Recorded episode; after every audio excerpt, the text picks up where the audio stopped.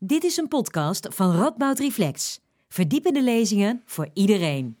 Dag dames en heren. Volgens mij sta ik luid genoeg ingesteld om hoorbaar te zijn. Welkom bij deze, uh, is het weer de eerste fysieke bijeenkomst? De eerste fysieke bijeenkomst sinds de uitbraak van de coronacrisis. Dit is ook uh, voor mij onwennig. De eerste keer sinds maanden dat ik in een ruimte ben waar meer dan vijf mensen zijn, volgens mij. Uh, welkom, fijn dat u er toch bent. Ondanks het feit dat u uitgespreid bent, hoop ik dat het een gezellige avond wordt. Uh, wij gaan vanavond praten over complotdenken. U heeft wellicht de laatste tijd ook in de media meer en meer complottheorieën voorbij zien komen. We gaan straks in de presentaties van de sprekers ook zien dat er nu eentje gaande is die wel ja, een soort perfect storm lijkt te zijn. Um, de sprekers die we hebben vanavond om over dit onderwerp te spreken zijn Harme Gijssen van de Radboud Universiteit. Hij opereert op het snijvlak van epistemologie, cognitiefilosofie en wetenschapsfilosofie. En hij publiceerde eerder ook al over complotdenken bij Benader Inzien en uh, morgen ook in de Gelderlander, als ik het goed begrepen heb. Uh, zijn, het andere spreker is Jelle van Buren, bekend van tv. U heeft hem uh, misschien gezien als veiligheidsdeskundige, of hij is veiligheidsdeskundige bij het Institute of Security and Global Affairs van de Universiteit Leiden. En hij onderzoekt welke rol complotdenken speelt bij de delegitimisering van maatschappelijke instituties. Daar gaan we meer over horen ook vandaag. Um, en dan heb ik eigenlijk nog een disclaimer voor de avond. Want hoewel er natuurlijk allerlei complottheorieën de revue zullen passeren, is ons hoofddoel vanavond niet om de waar of onwaarheid van een specifieke complottheorie te bespreken. Dus ik weet niet of er onder u mensen zijn met een bepaalde uh, steek in de zaak of zo. Uh, maar deze sprekers zijn er niet vanavond uh, om kritiek te hebben op een specifieke complottheorie. Al komen er natuurlijk wel een heleboel voorbij vanavond. Maar het doel dat we hebben vanavond is meer abstract nagaan wat eigenlijk de aard is van dit soort theorieën. Wat er kentheoretisch gezien misgaat, of misschien niet misgaat. Uh, bij complotdenkers. En wat uh, ja, misschien de maatschappelijke ondertonen zijn die aanleiding geven voor een stijging of ontstaan van complottheorieën. Nou, en daarmee geef ik dan het woord aan Harmen, die de eerste lezing geeft, gevolgd door een lezing van Jelle. Daarna mag u even interacteren met ons via uw mobiele telefoon. En is er nog een gesprek met tot slot ruimte voor vragen vanuit het publiek, ook weer via de telefoon helaas. Uh, maar dan nu eerst Harme Gijzen. Dankjewel.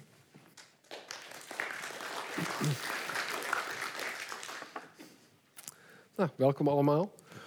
Um, ja, complotdenken, niet onredelijk, dat is de vraag. En de vraag waar ik eigenlijk nog wat meer op in zal gaan is of complotdenkers, of die nou wel of niet onredelijk dan wel redelijk zijn. Um, ja, als je aan complottheorie denkt, denken mensen ook meteen aan allerlei bizarre uh, theorieën over wat er aan de hand is op deze wereld. Uh, als voorbeeld uh, deze. De wereld wordt in het geheim bestuurd door uh, mensen die van gedaante kunnen wisselen, verwisselen en eigenlijk een soort hagedisachtige zijn. Lizards, lizardians. Je kan ze herkennen aan de groene ogen, het rode haar. Let goed op, ze nemen de plek in van allemaal bekende figuren die de macht hebben in deze wereld. Een redelijk bizarre complottheorie zou je denken. nog een complottheorie. De aarde is plat. En we worden eigenlijk allemaal voor de gek gehouden door overheid, andere instanties, NASA niet te vergeten, uh, die ons wil laten denken dat de aarde rond is. Je zou denken, oh, dat is toch wel uh, redelijk bizar als mensen daarin geloven. Hier hebben we een voorbeeld van iemand bekend uit de documentaire Behind the Curve. 5G is eigenlijk schadelijk voor de gezondheid. En corona, wordt, de hele crisis wordt eigenlijk gewoon ge gebruikt om dat allemaal af te dekken en de doofpot te stoppen. Daar moeten we voor oppassen. Redelijk bizar toch, als je daarin gelooft. En uh, de laatste, uh, vaccinaties. Ja, dat is eigenlijk een complot van Big Pharma om ons maar veel geld laten uit te geven. En eigenlijk maken die vaccinaties ons alleen maar zieker. Weer denken, ja, is wel bizar om in zo'n complot te geloven. En uh, al snel krijg je het idee, als je het over complotdenkers hebt en complottheorieën, dat er sowieso iets mis is met het hebben van een complottheorie of het denken aan een complot. Uh, en in eerste instantie is het al eens goed om te zien dat dat eigenlijk niet zo is. Het is niet per se onredelijk om in een complot te geloven. Want stel tegenover deze bizarre complottheorieën eens de volgende complottheorieën. Aannemelijke complottheorieën. Ja, de tabaksindustrie probeerde jarenlang de ongezonde gevolgen van roken verborgen te houden. In de doofpot te stoppen, tegen te spreken. Alles zodat mensen maar aan het roken bleven. Met campagnes uh, als deze, waarop staat dat uh, zelfs de dokter een bepaald merk tabak graag rookt. Uh, Navalny, is vergiftigd door het Kremlin. Nou ja, is eigenlijk een complottheorie. Er werken mensen in het geheim om een bepaald resultaat te bewerkstelligen. Maar het lijkt een complot te zijn dat eigenlijk heel aannemelijk is. Nog een andere.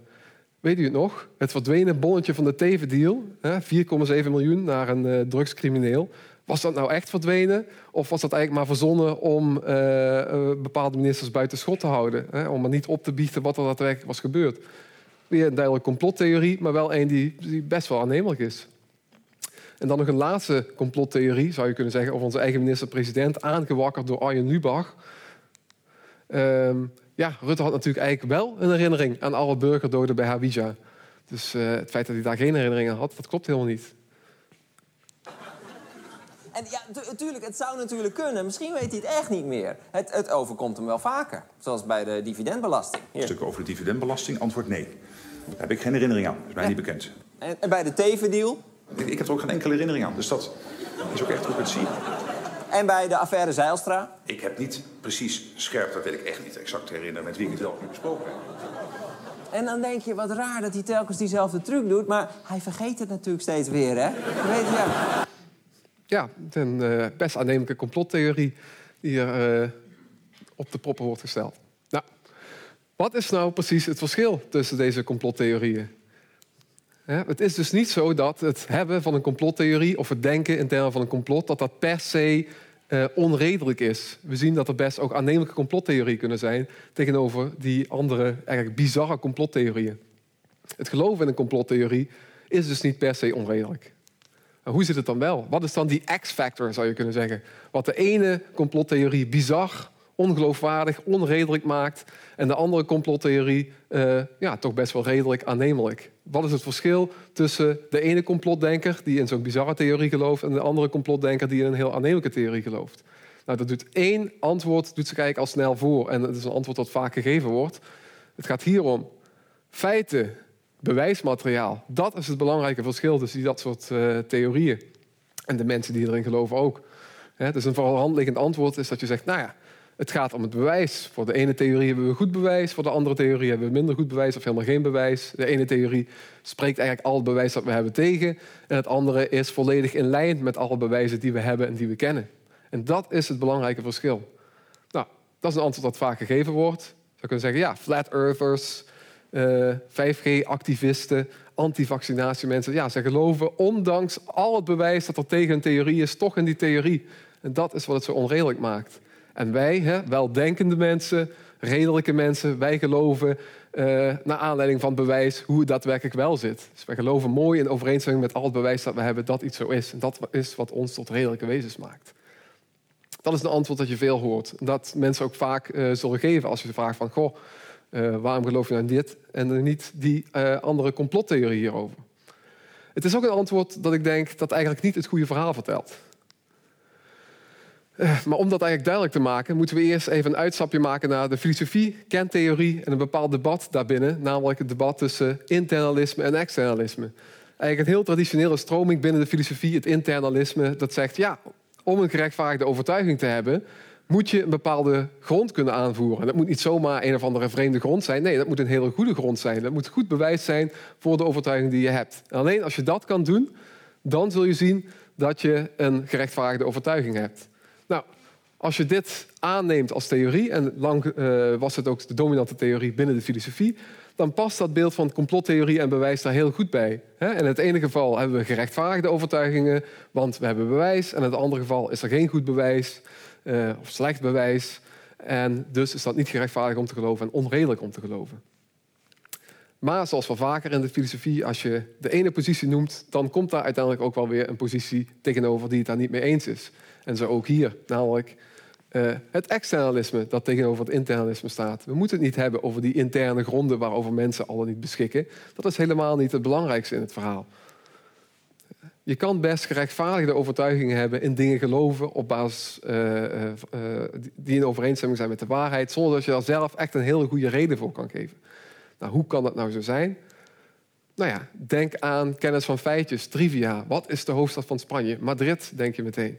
Maar ja, wat is nou precies je bewijs voor die claim? Kun je voor jezelf een bepaald bewijs aanvoeren dat nou onomstotelijk aantoont... oh ja, Madrid is inderdaad de hoofdstad. Nee, het lijkt eerder iets te zijn dat je gewoon weet beste wat je kan doen is zeggen, ja, dat is hoe ik me het herinner. En ik, ben daar, ik heb daar een vrij zeker gevoel bij. Maar ja, zo'n gevoel, is dat nou een goed bewijs? Denk aan iemand de weg vragen in een stad waar je niet zo bekend bent. Je vraagt iemand de weg, de persoon geeft je aanwijzingen, eh, je volgt de aanwijzingen op en je komt inderdaad op de plek van bestemming. Je zou kunnen denken, oké, ja, was ik nu gerechtvaardigd om te geloven dat daar mijn bestemming was? Dat ik via die route daar zou komen? Ik heb niet echt gecheckt of dit een betrouwbare bron was. Ik heb niet gekeken op Google Maps. Ik ben er gewoon vanuit gegaan dat het klopte en het klopte inderdaad. Uh, genoeg voor rechtvaardiging of niet? Nou, er leek in ieder geval wat weinig bewijs voor te zijn. Of denk aan het gebruik van een rekenmachine. Uh, je moet een moeilijke som uitrekenen. Je denkt, nou, ik neem even dit rekenmachientje, ik typ het in, krijg een antwoord. Prima, dat is het antwoord. Lijkt uh, volledig gerechtvaardigd te zijn. Maar ja, hoe sterk is je eigen bewijs nou? Heb je dat rekenmachientje wel gecheckt of niet? Lijkt er eigenlijk niet op. Je vertrouwt er gewoon op dat die rekenmachine het goede antwoord zal vertellen. Wat zegt externalisme dus over uh, internalisme? Nou ja, als je eigenlijk kijkt naar de dagelijkse praktijk van hoe we dingen geloven, dan is internalisme dat idee dat je overal een bewijs voor zou moeten aanvoeren, een goed bewijs ook nog, niet zomaar een bewijs, dat is eigenlijk veel te intellectualistisch. Dat is iets dat komt vanuit een normatief kader van hoe je overtuigingen zou moeten vormen, maar wat eigenlijk niet past bij hoe de daadwerkelijke praktijk eruit ziet. En ik denk dat het een beeld is waar we eigenlijk een beetje vanaf moeten gaan stappen. Laten we eens teruggaan naar de praktijk naar de overtuigingen zoals we die in de praktijk hebben. Ja, neem maar de onderwerpen van de aarde, 5G. Hè? Zelfs als je daarover nadenkt, uh, corona. Hebben mensen nou echt goede bewijzen om te geloven dat de aarde rond is? Hebben mensen goede bewijzen om te geloven dat uh, corona een bepaalde aard heeft en niet een andere aard, dat het complot niet klopt? Wat zijn die goede bewijzen dan? Nou ja, over de aarde uh, zou je natuurlijk kunnen zeggen, ja, natuurlijk, uh, daar is heel, heel veel bewijs voor. Goed, ik kan zelf nu dat bewijs niet zomaar geven, maar het bewijs is er wel. Dus het is, het is ergens. Alleen ja, als jij het bewijs moet aanvoeren en je kan het niet geven, is het dan wel redelijk om te zeggen dat jij dat bewijs zelf hebt. Als je een beroep doet op iets anders. Je zou kunnen zeggen, nou ja, hier heb je dus bewijzen om te laten zien dat de aarde rond is. En allemaal leuke dingetjes die je zelf vrij makkelijk kan doen. Waarvan je kan zeggen, oké, ja, die bewijzen die zijn er dus wel. Maar ja, op het moment dat ik dit nog niet had laten zien... was het dan mogelijk om voor jezelf zo'n bewijs aan te voeren? En als het mogelijk was om zoiets te bedenken... was het een bewijs dat je daarvoor al had... en in discussie had kunnen opwerpen? Dat is nog maar zeer de vraag. Dan is de vraag, als het dus niet zo is dat wij op basis van bewijzen dingen geloven, als we achteraf met de bewijzen moeten komen om onze overtuigingen te ondersteunen, ja, hoe geloven we dan eigenlijk wel in dingen? Nou, heel vaak gewoon op basis van vertrouwen. Vertrouwen in bekende bronnen, in bekende instituten. De overheid, de wetenschap, eh, standaard media waarop we kunnen vertrouwen. Maar eh, al heel snel toch een kwestie van vertrouwen hoe zit dat dan, betrouwbare bronnen? We hebben toch zeker wel bewijs voor het feit dat die bronnen waar we in vertrouwen, ja, dat die te vertrouwen zijn. Ja, kun je weer afvragen, oké, hoeveel bewijs hebben we er eigenlijk voor? Heb je onlangs nog gecheckt hoe vaak de NRC het bij het juiste eind had, hoe vaak de Volkskrant het gelijk had? Was het ook nog een verschil per kwestie welke krant uh, de goede eind van de zaak had? Of maakt dat allemaal niet zoveel uit? Of heb je gewoon daar helemaal niet over nagedacht en dacht je gewoon, ja, Volkskrant, NRC, dat wordt gewoon algemeen geaccepteerd. Dat is algemene kennis. We weten allemaal dat dat de beste kranten zijn. Oké, nou ja, als dat zo is, wat is dan precies je bewijs daarvoor? Algemene, algemene kennis, wat is dan het bewijs voor die algemene kennis? En vaak komt het toch neer op iets als ja, mensen in mijn sociale netwerk die ik zie, waardeer, uh, waar ik mee in gesprek ga, ja, die zeggen ook dat dit belangrijke bronnen zijn. Dat is waarom ik daarin vertrouw. Dat is waarom ik dat geloof. Je zou natuurlijk kunnen zeggen, ja, ik heb ook geen bewijs dat het geen betrouwbare bronnen zijn. Dan zou ik daar ondertussen wel iets over gehoord moeten hebben. Maar ja, het aanvoeren van de afwezigheid van bewijs als bewijs van afwezigheid is niet een heel sterk bewijs op zich. Dus dat werkt niet zo goed. Ik denk ook dat we moeten zeggen daarom dat bewijs voor het individu overschat is. Het is tegenwoordig helemaal niet meer zo dat je als individu al het bewijs hebt waarmee je je overtuigingen allemaal kan ondersteunen. Het belang van het bewijs voor het individu is overschat. Er is maar heel weinig dat we weten puur op basis van ons eigen bewijs. Vrijwel altijd moeten we vertrouwen op andere bronnen. We kunnen niet anders meer. Wat nou als we gaan kijken naar complotdenkers? Het interessante is De gemiddelde complotdenker komt wel al heel snel met bewijs op te proppen. Dat is niet zo gek. Hij weet zelf ook dat hij in een dialectische positie zit... waarbij hij bewijs moet gaan aanvoeren om de ander te overtuigen. Hij weet ook wel dat andere mensen hem zien als een uh, toch wel licht gek type. Dus complotdenkers zijn heel erg gefocust op bewijs. Vraag een complotdenker om zijn bewijs dat de aarde plat is... en hij komt meteen met allerlei dingen op te proppen die niet kloppen. Uh, denk bijvoorbeeld aan de foto van de maanlanding aan het begin. Niet voor niets is het motto van zo'n complotdenker... ja, word wakker, denk voor jezelf, wees kritisch op wat je verteld wordt. Heb niet zomaar overal vertrouwen in en zorg voor bewijsmateriaal. Het probleem daarmee is dat mensen eigenlijk vrij slecht zijn in het op waarde schatten van bewijs. Dus we kunnen wel zeggen dat we moeten focussen op bewijs, maar we zijn helemaal niet zo goed om de bewijs daarna op waarde te schatten. Voorbeeldje, ja, we hebben mensen die zeggen, ja, mijn horoscoop klopte precies. Nou, dat is nu al een aantal keer gebeurd. Dus het moet toch wel zo zijn dat er iets in zit in die horoscoop. Ik weet niet precies wat, misschien niet 100%, maar er zit wel degelijk iets in, een kern van waarheid. Oké, maar als de horoscoop het een paar keer goed had, hoeveel keren had de horoscoop het dan fout? En uh, als we alleen naar jou kijken, is het één ding, maar hoe zit het bij alle andere mensen?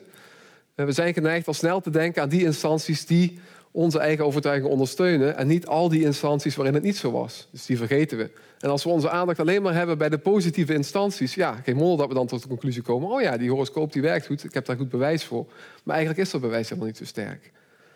Maar het is niet alleen alsof uh, mensen die geen wetenschapper zijn moeite hebben met het op waarde schatten van bewijs. Uh, wetenschappers hebben zelf net zo goed vaak moeite met het op waarde schatten van bewijs. Uh, denk aan artsen. Voorbeeldje. Stel je laat je testen willekeurig op een zeer zeldzame ziekte. Wow, de test is 99% betrouwbaar. Nou, dat is heel goed. Hè? Van alle mensen die getest worden, positief worden bevonden, uh, zal 99% het ook hebben. Is maar 1% van de mensen in de gevallen die, die getest worden, waarbij de test de verkeerde uitslag geeft. Hè? Dus als je het niet hebt, de ziekte, nou ja, in 1% van de gevallen geeft hij dan de uitslag dat je het wel hebt. Maar dat is toch niet zoveel? Nou wat is de kans dat je een ziekte daadwerkelijk hebt als de prevalentie van de ziekte, het voorkomen van die ziekte, 1 op zeg 10.000 is? Nou, ik ben benieuwd wat mensen hiervan denken. Laat ik even kijken. Wie denkt dat het meer dan 50% is? Mag ik even een hand zien?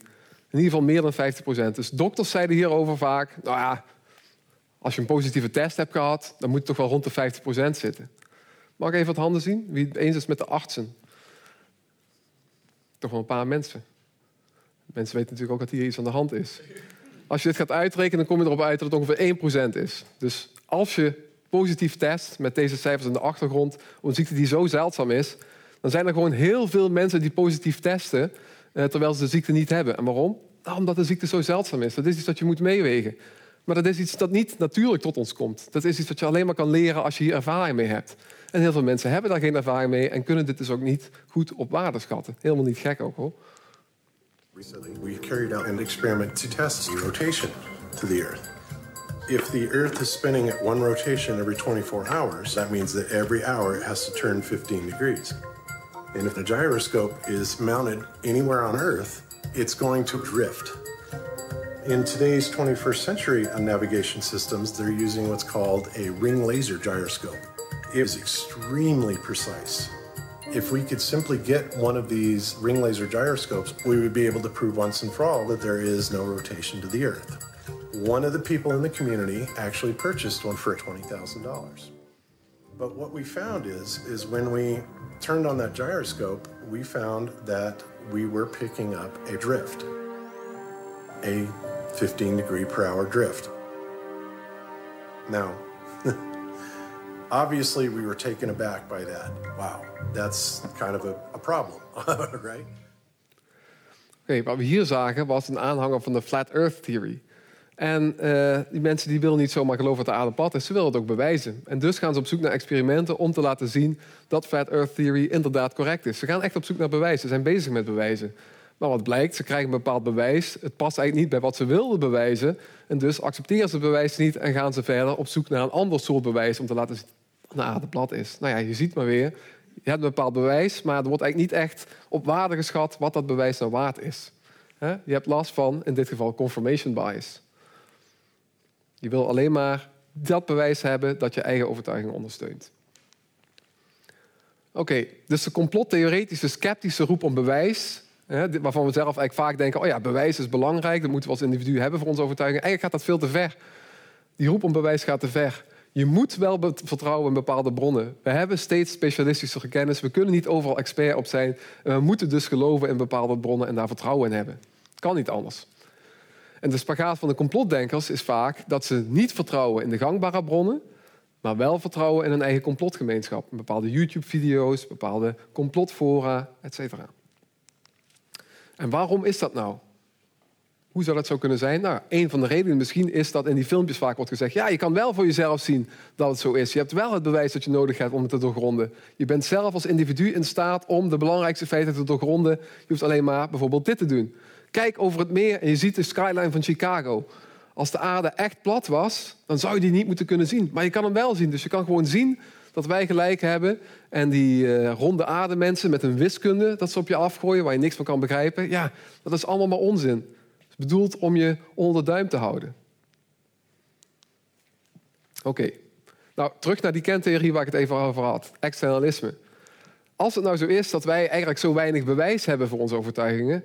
als het nou zo is dat wij eigenlijk zo weinig kennis van zaken hebben... en alleen maar vertrouwen, vertrouwen, vertrouwen... is dat niet heel slecht voor de rechtvaardiging van onze overtuigingen? Mogen we dan nog eigenlijk wel geloven wat we geloven... en onszelf redelijke wezens noemen? Ja. Eh sorry.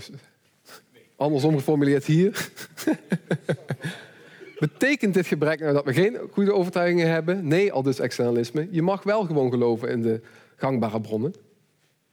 De methode namelijk is belangrijker dan jouw specifieke kennis over die methode. Het gaat er niet om dat jij precies weet hoe jouw methode in elkaar zit om die methode te kunnen toepassen. Waar het om gaat is dat de methode die je uiteindelijk gebruikt een betrouwbare methode is. Als de maatschappij op zo'n manier is ingericht dat de instituten als media, overheid, wetenschap op een goede manier werken, de waarheid aan het licht weten te brengen, er ruimte is voor open debat, dan mag je daar gewoon in vertrouwen, zelfs als jij niet precies op de hoogte bent van hoe dat dan allemaal in elkaar zit.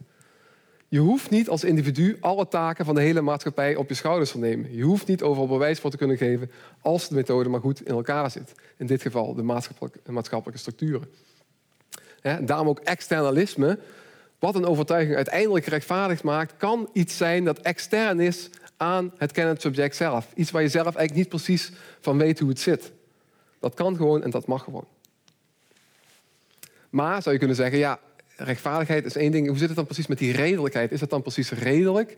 Zijn complotdenkers dan onredelijk omdat ze ergens niet in vertrouwen? Dat is een goed punt, een goede vraag. Dus zijn die radicale complotdenkers nou eigenlijk onredelijk of niet? Zijn het nou redelijke wezens of toch niet zo redelijke wezens? Nou, een interessante vraag, denk ik. Een interessantere vraag dan de vraag gewoon van... zijn ze onredelijk, zijn ze redelijk? Zijn ze nou zoveel onredelijker dan ons? Ik denk niet dat ze zoveel onredelijker dan ons zijn. Laten we maar eens kijken. Geloven op basis van goed vertrouwen, nou, doen wij ook. Slecht in het waardeschatten van bewijs zijn wij eigenlijk ook. Net als wij, vatbaar voor allerlei bias. Ja, precies, net als wij. En overschatten de rol van bewijs. Ja, dat doen wij eigenlijk ook allemaal. Want we denken allemaal dat we overal goede bewijzen voor kunnen aanvoeren. Maar al snel komt het neer op allemaal indirect bewijs... via autoriteiten, via overheden, wetenschappers. We moeten wel zeggen, nou, we vertrouwen hierop of we vertrouwen daarop. Dus we overschatten ook de rol van bewijs. En we overschatten onszelf ook als een soort redelijke, rationeel bewijs... die alleen maar bewogen worden door bewijs. Op al dit soort manieren zijn wij even onredelijk als complotdenkers. Nou, waar nog een verschil zit, is dat complotdenkers misschien wat onredelijker lijken te zijn in hun wantrouwen ten opzichte van bepaalde bronnen. Dus ze zijn heel wantrouwend ten opzichte van wetenschap, overheid, belangrijke instituten, autoriteiten. En je zou kunnen zeggen, ja, dat is wat zo onredelijk maakt. Er is een hele berg aan kennis die wordt weggeworpen omdat er geen vertrouwen is in deze bronnen. Dus dat maakt ze misschien wat onredelijker. Ze onderschatten het belang van een bepaalde expertise. Maar op allerlei andere vlakken zijn ze eigenlijk niet veel onredelijker dan wij zelf zijn. En moeten wij onszelf ook niet overschatten. De conclusie moet dan ook zijn dat eigenlijk het pathologiseren van complotdenkers als mensen die gek zijn, waar een steekje bij los zit, waar een bepaald cognitief mechanisme helemaal verkeerd zit, dat is onterecht. Heel vaak werken hun uh, denksystemen op dezelfde manier zoals ze bij ons ook werken. Hun wantrouwen komt ook ergens vandaan. En ik denk dat in de juiste context veel van de mensen uiteindelijk in een complotdenker zouden kunnen worden omgetoverd. Dus het ligt niet zozeer aan de cognitieve mechanismes, maar het ligt veel meer aan de context, de input tot die cognitieve mechanismes waaraan die mensen zijn blootgesteld. En ik denk dat dat uh, één verschil is, maar niet een essentieel redelijk of onredelijk verschil. Dank u wel.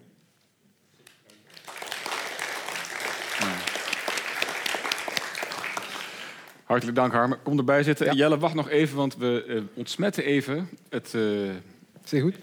Het spreekgestoelte. Fantastisch. Dankjewel. Ja, bedankt. Nou, heel fijn dat ik hier mag zijn. Het is voor het eerst sinds 13 maart, geloof ik, dat ik in een zaal vol echte mensen sta. Maandag zat ik tegen een scherm aan te kakelen en daarachter zat schijnt. Het is verschrikkelijk waar we aan zijn begonnen. Hmm. Dus ik ben blij dat ik hier mag zijn. Ik heb ontzettend zin om de zaal in te rennen. Zal ik niet doen, want dan krijg ik ruzie met uh, de organisatie. Goed, the truth is out there. Ontzettend fijn om een collega-wetenschapper net te horen stellen dat uh, het belang van bewijs vooral niet overschat uh, moet worden. Dat worden nog uh, interessante gesprekken met de accreditatiecommissies, denk ik. Maar ik ben het wel met hem eens. Het gaat, als we het hebben over complotdenken en hoe we dat verklaren, en ik ben vooral geïnteresseerd in de maatschappelijke functies. Wat is het? Hoe kun je het verklaren? Waar duidt het op? Wat doet het?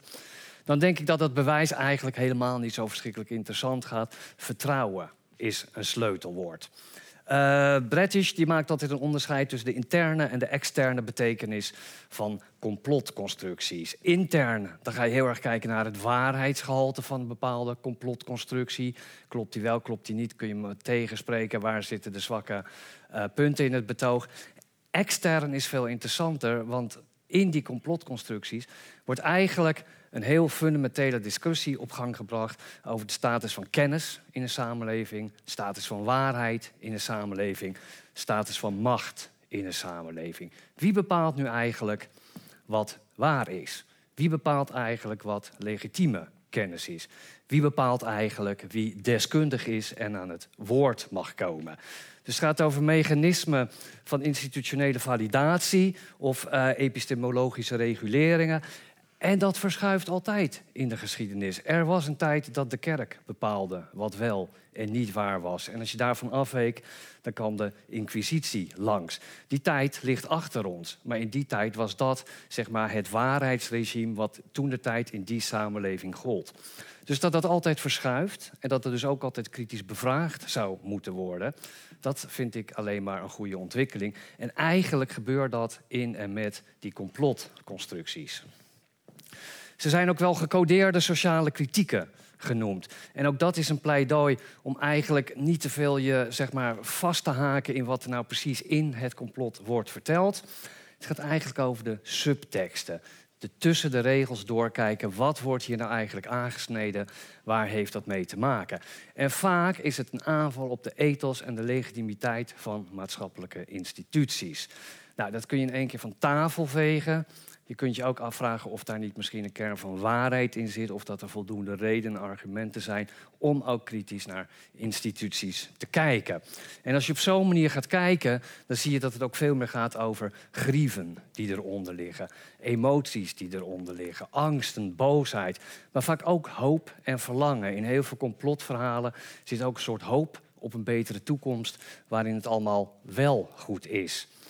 Um, gaat heel veel over zingeving en betekenisgeving. Mensen zijn op zoek naar een nieuw verhaal dat de maatschappij verklaart en dat ook een eigen positie weer duidelijk maakt in een wereld die vaak chaotisch is, onbegrijpelijk, bedreigend en die zich boven hun hoofd lijkt te voltrekken. Het is weer grip willen krijgen op die verwarrende werkelijkheid. Complotverhalen geven je vaak weer die grip op je leven. En dat is maar al te menselijk, daar hebben we eigenlijk allemaal behoefte aan die zin zie ik complot als een soort spiegel van de maatschappij. Wat zegt het over een samenleving? Wat is er aan de hand in een samenleving? Als die alternatieve verklaringen, die complotverklaringen, heel sterk opduiken en ook een behoorlijk grote aantrekkingskracht blijken te hebben. Want we hebben het hier niet over een heel klein gemarginaliseerd clubje aan de randen van de samenleving. Het zit behoorlijk verspreid door de hele samenleving en zeker op dit moment gaat het vrij snel. Wat betekent dat? Nou, Nou, gelukkig is er al gezegd, ga ze nou vooral niet wegzetten als gekkies of als pathologische gevallen. Ik bedoel, de GGD heeft het al heel druk. Dat kunnen we echt niet aan als 35% van de bevolking gek blijkt te zijn. En het is ook te makkelijk om het op die manier weg te schuiven. Eigenlijk worden er serieuze vragen gesteld naar het gehalte van onze samenleving. Nou, wat zie je vaak terugkomen in die complotverhalen? Heel vaak begint het met een schokkende gebeurtenis. Het kan op persoonlijk niveau zijn, kan ook op maatschappelijk niveau zijn. En grote gebeurtenissen, en dat is heel menselijk, die vragen eigenlijk om hele grote verklaringen. Dat lullig toeval iets verschrikkelijks heeft veroorzaakt, dat is bijna niet te bevatten. Dat Pim Fortuyn vermoord is door een veganist die wat doorgedraaid was, dat is bijna niet te bevatten. Er moet eigenlijk meer aan de hand zijn, er moet iets groter zijn. Die behoefte hebben we. En dan zie je heel vaak dat het ook ontbreekt aan heldere informatie die door autoriteiten wordt gegeven, omdat die er op het moment bijvoorbeeld nog niet is. Of dat de, dat de informatie tegenstrijdig is. Verschillende autoriteiten stellen verschillende dingen. Of innerlijk tegenstrijdig. Of de uitleg wordt gewoon niet helemaal vertrouwd. Er wordt niet vertrouwd wat de autoriteiten op dat moment zeggen. En dan begint eigenlijk het grote spel. Het zetten van één vraagteken. En zo gauw de vraagtekens worden gezet, worden daarmee eigenlijk de weg geopend naar alternatieve verklaringen. Heel veel mensen in de complotwereld hoor je ook altijd zeggen van... ik stel alleen maar een vraag. Mag dat ook al niet meer? En dan word ik meteen in de hoek gezet, weggezet als een of andere mafketel. Ik zet gewoon een vraagteken bij een verhaal. Maar die twijfel opent de weg naar allerlei alternatieve verklaringen. Nou, om dat wat concreter te maken, als we nu kijken naar het coronatijdperk waar we in eh, leven. Het heeft iets van een soort perfect storm uh, uh, als ik er naar kijk. Is het een ingrijpende gebeurtenis? Ik dacht het wel. De hele wereld is in een lockdown gegaan. Iemand die mij dat een half jaar geleden had voorspeld, die had ik weggezet als een gekkie of als een complotdenker of wat dan ook. Het is vrij onvoorstelbaar wat er is gebeurd. En niet alleen in Nederland, door de hele wereld heen lockdown. Alles wat nooit mogelijk bleek, bleek plotseling wel mogelijk. Grenzen dicht, vliegtuigen aan uh, de grond en uh, noem maar op.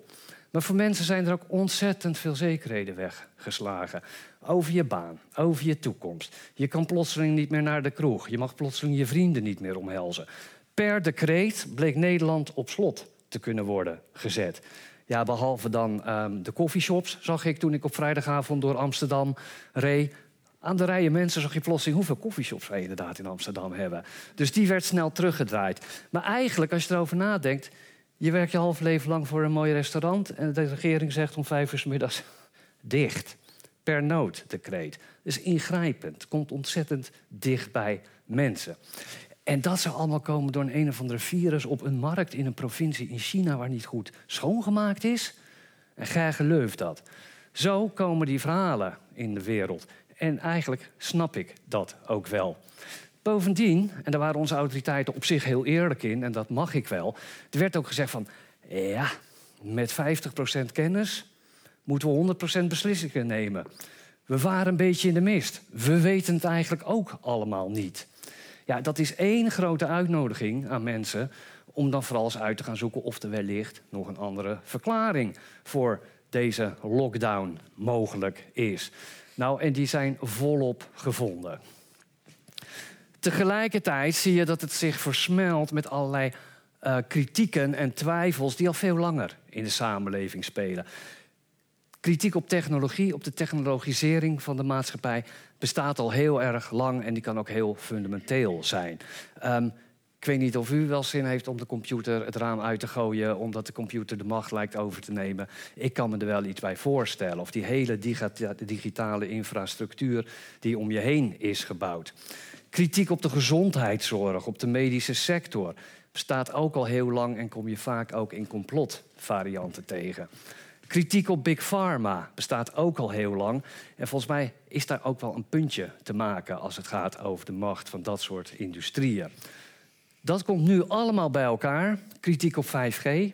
De antivaxers, die roeren zich weer. Want die zien natuurlijk het grote gevaar dat er een verplichte vaccinatie zou komen. En dat is waar zij tegen strijden. Maar vergeet ook niet dat we zo'n andere media-ecologie hebben gemaakt. Die poortwachters van de oude media, ja, ze roepen nog wel eens we doen ons best, maar die worden natuurlijk aan alle kanten volstrekt overlopen. Die staan nog zich af te vragen van nou, ga ik deze ingezonden brief wel of niet plaatsen? Zit die niet een beetje in de hoek van? Nou, wij allemaal zijn tegenwoordig schrijver, uitgeverij, recensent en aanprijzer van onze eigen waren. Met één klik kun je de wereld bereiken en de wereld kan jou bereiken. En wat ik op dit moment hoor, en wat dat betreft is die technologische mediaontwikkeling wel interessant. Een hele hoop mensen die op geen enkele manier op zoek zijn naar alternatieve informatie. Die zeggen, ja, het komt gewoon mijn timeline binnen op dit moment. Ik wil het helemaal niet, ik zoek er niet naar. Het komt gewoon aan een lopende stroom, komt het van alle kanten op me af. Dus je komt haast veel steeds makkelijker in zo'n alternatieve stroom terecht. En er waren natuurlijk ook veel mensen die volop de tijd hadden om de hele dag op die sociale media rond te hangen. Want ja, een hele hoop banen waren even op slot gezet.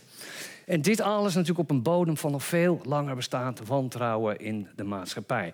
Je hoeft het niet mee eens te zijn, maar dat wantrouwen is er. Het is fundamenteel, het bestaat al lang en het wordt wel feller. Nou, daar werken die complotten ook heel erg fijn op. Empty signifiers zijn het. Je kunt echt werkelijk al je woede en al je grieven kun je in een complot stoppen. En je maakt er gewoon een beetje je eigen variant van. Dat vindt dat complot helemaal goed.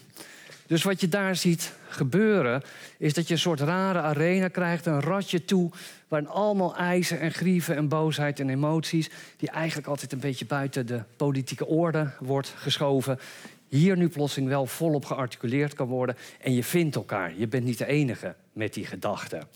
Nou, en wat je op dit moment ziet, is een volkomen eclectisch protest. Het Malieveld, ik, ik zit gefascineerd naar te kijken. We zien hippies. We zien de party people. Ja, ik ben daar denk ik net iets te oud voor. Influencers. Nieuwe categorie om in de gaten te houden. Die hebben invloed in de maatschappij. Die hebben miljoenen volgers. Wij niet. Extreem rechts roert zich volop. Populisten, antiglobalisten, boeren, bouwers. Christenen tegen de lockdown. Die moet ik nog even uitzoeken, want die kan ik nog niet helemaal begrijpen. De gele hesjes zien we, de antivaxers, antisemiteiten komen voorbij, einde ter tijddenkers. En heel veel liefdevolle spiritualiteit.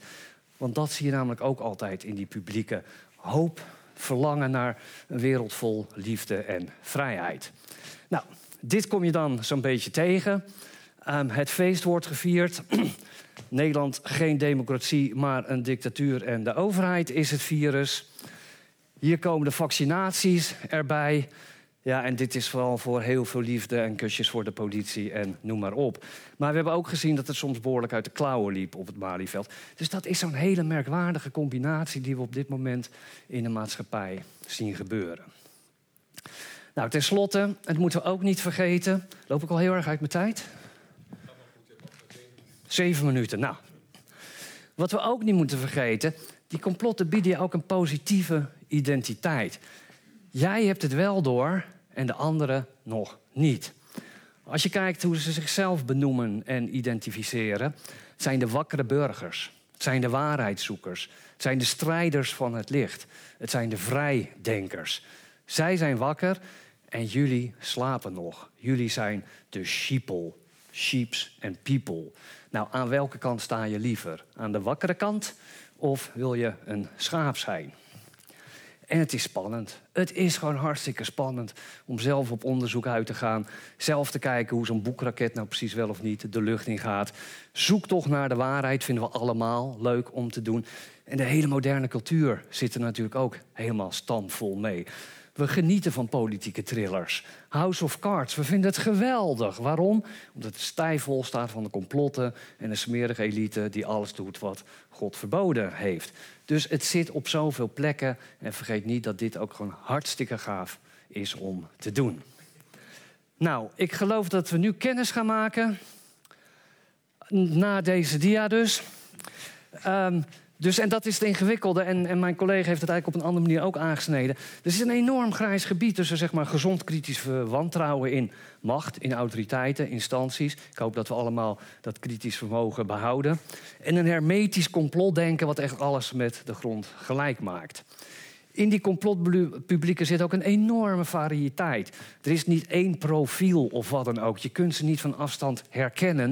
Er zit een enorme variëteit in. Dat moeten we ook niet vergeten.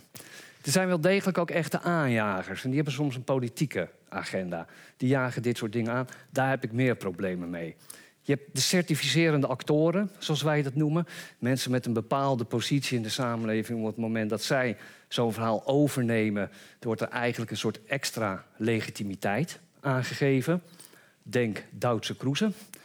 En je hebt de groepen waarin allerlei alternatieve verklaringen resoneren om heel veel verschillende redenen. Moet je er nou ook heel erg bang voor zijn? Ja, ik kom uit de extremisme en terrorismehoek, dus daar moet ik ook altijd naar kijken. Uh, nee, laten we vooral niet in paniek uh, raken, geen enkele reden toe. Het is niet zonder risico's en dat weten we ook historisch gesproken. Op het moment dat het idee is dat er een existentiële dreiging is, dan is er wel meer risico op extremisme. Als echt zeg maar, de existentie van je leven of je samenleving op het spel staat, of jij denkt dat. Als het wij-zij-denken enorm wordt aangejaagd, dan wordt het over het algemeen wel risicovol. Als de zondebokken worden gezocht en gevonden, en als dehumanisering plaatsvindt van de vijand, dan kom je in een veel extremistischer vaarwater terecht. En dan kan ook complotdenken wel degelijk gevaarlijk worden. En op dit moment zien we ook wel vormen van anti-overheidsextremisme uh, zich ontwikkelen in die kringen.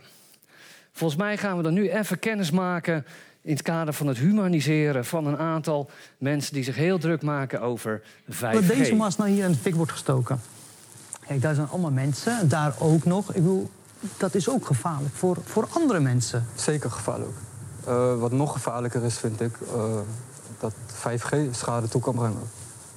En wij hebben de overheid daarvoor gewaarschuwd en er wordt niet naar ons geluisterd. Nou, dan kan ik me voorstellen dat mensen dat op die manier uh, proberen af te dwingen. Dat er wel naar geluisterd wordt. Tuurlijk, als de bewijzen er zijn dat het veilig is, ben ik de eerste die dat aanmoedigt. Want tuurlijk, 5G lekker snel en zelfrijdende auto's prima. Alleen het hele doel daarachter, dat wordt gewoon niet benoemd. En dat vind ik echt wonderbaarlijk. En welk doel is dat dan? Nou ja, ik heb bijvoorbeeld filmpjes gemaakt, filmpjes gedeeld van mensen die dus wel dingen in de fik zetten. dat wordt gewoon verwijderd als ik probeer de waarheid aan het licht te brengen, dan wordt dat verwijderd. En met mij zijn er heel veel groepen ook die gewoon van Facebook verwijderd worden. Mhm. Als het allemaal niet zo zou zijn, dan zou dat niet gebeuren ook. Heel veel mensen maken zich zorgen over het feit dat de overheid niet ingrijpt en zegt: jongens, dat 5G dat is echt slecht voor de gezondheid. Ja. Wat zou daar de reden van zijn dat de overheid niet zo naar de mensen luistert, denk je?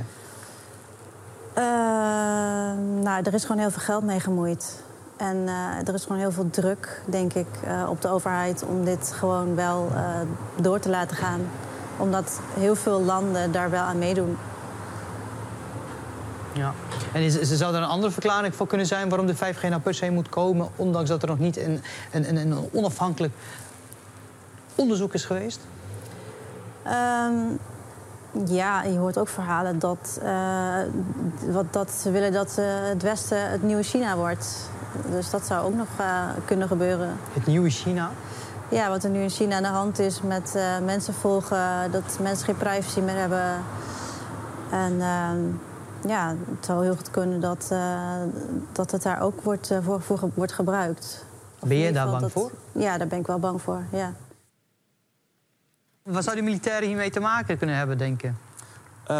omdat het verder gaat dan crowd control uh, het, zelfs mind control. Dus je kan op afstand mensen ook zeg maar, hun zenuwstelsel beïnvloeden. En dat doen de militairen al heel lang. Hoe dan? Binnen de militaire operatie is er een systeem ontwikkeld... wat wij mensen niet fijn vinden, dus een kunstmatige frequentie... die wij niet fijn vinden, uh, maar die ons kan beïnvloeden. In ons gedrag, maar ook op ons zenuwstelsel. En dat noemen we mind control. En dan worden een soort zombies of zo? Ja, de mensen die nu uh, rebellen, dat zijn straks allemaal targets. Ik ben zelf ook een target individual, zoals dat heet. Wat is een target individual dan? Ja, iemand die ze kunnen, kunnen targeten op afstand via frequentiewapen, via die masten. Dus dan kunnen ze inloggen op jouw DNA-code. En dat is een persoonlijke code, net als je vingerafdruk. En waar zit je DNA-code dan? Ja, in je lichaam, in jouw DNA. Dat is jouw DNA-structuur. Dus dan logt ze bij jou in en dan? En dan kunnen ze jou eh, van alles en nog wat laten doen. Zoals wat? En ze kunnen je dingen laten zien, ze kunnen zien wat jij ziet, ze kunnen horen wat jij hoort. Ja, het gaat heel ver, eh, de rabbit hole. Ja. En het is, het, het, het- waar het voor uitgerold wordt, is controle om mensen te kunnen controleren. Mensen worden facial recognition, daarom moeten we ook afstand houden. Want anders werkt dat niet. Maar snap je dat sommige mensen die nu thuis zitten te kijken... dat ze iets hebben van... Die gast is helemaal gek. Die gast is helemaal gek, wat dat hij weet nou? ik. Dat snap ik. Ik weet heel goed hoe het klinkt. Al die coronaverschijnselen, dat zijn ook stralingsverschijnselen. Dus iemand die ziek wordt van straling, daar lijkt het van alsof hij corona heeft. En die, die ziektebeelden zijn er ook. En er zijn ook mensen die zijn er dood aangegaan. Er zijn ook heel veel mensen overleden. En respect voor de dood. Maar het heeft niks met de ziekte corona te maken. Maar hoe is de ziekte dan ontstaan, denk je? De ziekte is een hoax, dus... die, Sorry? Die ziekte is een hoax. Dus het, het, het verhaal, de verhaal van die ziekte, dat klopt niet. En hoe het dan ontstaan is, ja, Joost mag het weten. Dat kan, dat kan al vanaf de hoogste regionen bedacht zijn door de media. En als dat maar goed, goed ingevoerd wordt, dan gelooft iedereen het. En iedereen gelooft het. Iedereen zit thuis. Terwijl er eigenlijk maar 2000 mensen zijn overleden in Nederland. En 17 miljoen mensen die zijn bang voor elkaar geworden. En die zitten thuis. Het, het slaat helemaal nergens op. Het slaat helemaal nergens op. Angst voor totale controle is wel interessant, want waar komt dat vandaan? Waar is het op gebaseerd? Hoe diep zit dat in de samenleving? Over een aantal dingen kun je misschien lachen of denken, net zoals die jongen zelf zegt: van, ja, ik weet echt wel hoe ik overkom. Maar wat zit er ander? Ergens ook een roep om vrijheid, angst om gecontroleerd te worden. Het is interessant om naar dat soort dingen op zoek te gaan, waar dat vandaan komt en hoe zich dat maatschappelijk genesteld heeft. Interessanter dan dit allemaal zo van tafel te vegen als de onzinverhalen van een stel mafketels. Dus, ik zie het als kanalies in de kolenmijn. Het duidt op fundamentele problemen met de geloofwaardigheid en legitimiteit van een aantal instituties in onze postpolitieke constellaties. Dat was mijn verhaal. Super. nou, hartelijk dank Jelle. Eh, voordat we nu in gesprek gaan, eh, of voordat ik met hen in gesprek ga, hebben we even een momentje van activering. Als u mee wilt doen, pak dan uw telefoon. En dan ga naar menti.com en vul daar deze code in. Ik heb het uitgeprobeerd van tevoren en het was heel simpel, gelukkig. En eh, dan krijgt u gepresenteerd krijgen een aantal stellingen. En de vraag is dan, is dat, of, sorry, een aantal complottheorieën. Waarvan de vraag is, zijn die waar of niet waar? En we zijn dan eerst benieuwd naar uw antwoord. Ik, ik geef u even een momentje, want mensen moeten waarschijnlijk nog even inloggen. Eh, maar in ieder geval de eerste complottheorie hier is... waar of niet waar, in een Europees land functioneerde decennia lang een geheim netwerk onder leiding van inlichtingendiensten. Dit netwerk liet rechtsextremisten bomaanslagen uitvoeren die vervolgens in de schoenen van links werden geschoven. Is dit gebeurd in een Europees land, decennia lang, waar of niet waar? Ehm, probeer te peilen hoe ver u ongeveer bent, maar het is heel lastig te zien zo op afstand. Jij bent zeker al klaar, Freek? Ja. Geen internet? Oké. ja, precies, ja. Oké. We kunnen niet zien hoeveel mensen geantwoord hebben, of wel? Oh, ja. Oh, oh, oh ja, kijk ja. Oh, er is een publiek wifi-netwerk. Lindenberg Gast, mocht u niet eh, uw, uw eh, 4G kunnen benaderen hier. Oh, dat gaat goed. We hebben al 46 respondenten. Oh, daar, we zien het gewoon verschijnen. Ja, wauw. Dit is het. Wauw. Dat is wel heel leuk inderdaad, ja. ja, ja. We, we moeten allemaal online college geven. Dat is wel een leuke, leuke invulling misschien. We zijn ongeveer met eh, iets meer dan 80 mensen in de zaal volgens mij. Er zijn nu 55 respondenten, wel heel netjes. Wacht even tot er 60 zijn en dan gaan we denk ik naar de volgende. Of dan gaan we kijken of dit waar of niet waar is natuurlijk. Dat is stap 1. Ja. Nee, we lijken te stagneren op 55. Dan laat het even hierbij. Is een mooie verdeling. 58 tegen 42 procent. Was dit waar of niet waar? Moet ik het zelf doen? Oh, jij doet het. Wat zei je? Ah. Eh, voordat we gaan verhullen of het waar of niet waar is, willen we u vragen om eh, in maximaal 250 tekens uit te leggen waarom u denkt dat het waar of onwaar is. Wat maakt dit nou? Wat is de rechtvaardiging dat u denkt dat het waar of onwaar is? Ja. En dus daar begin je zin met waarom dat of niet waarom dat. Anders weten we niet of het een rechtvaardiging van waar of onwaar is.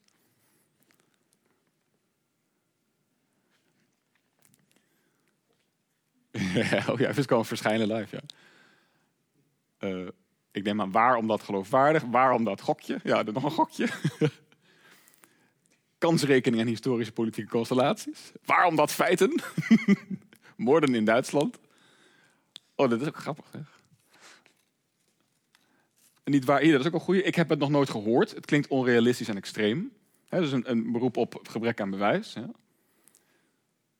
Waarom dat de vraag zo verdacht specifiek gesteld is. er zitten studenten in de zaal. Ja, ja, ja precies. Ja, ja, ja. ja. Uh, ja.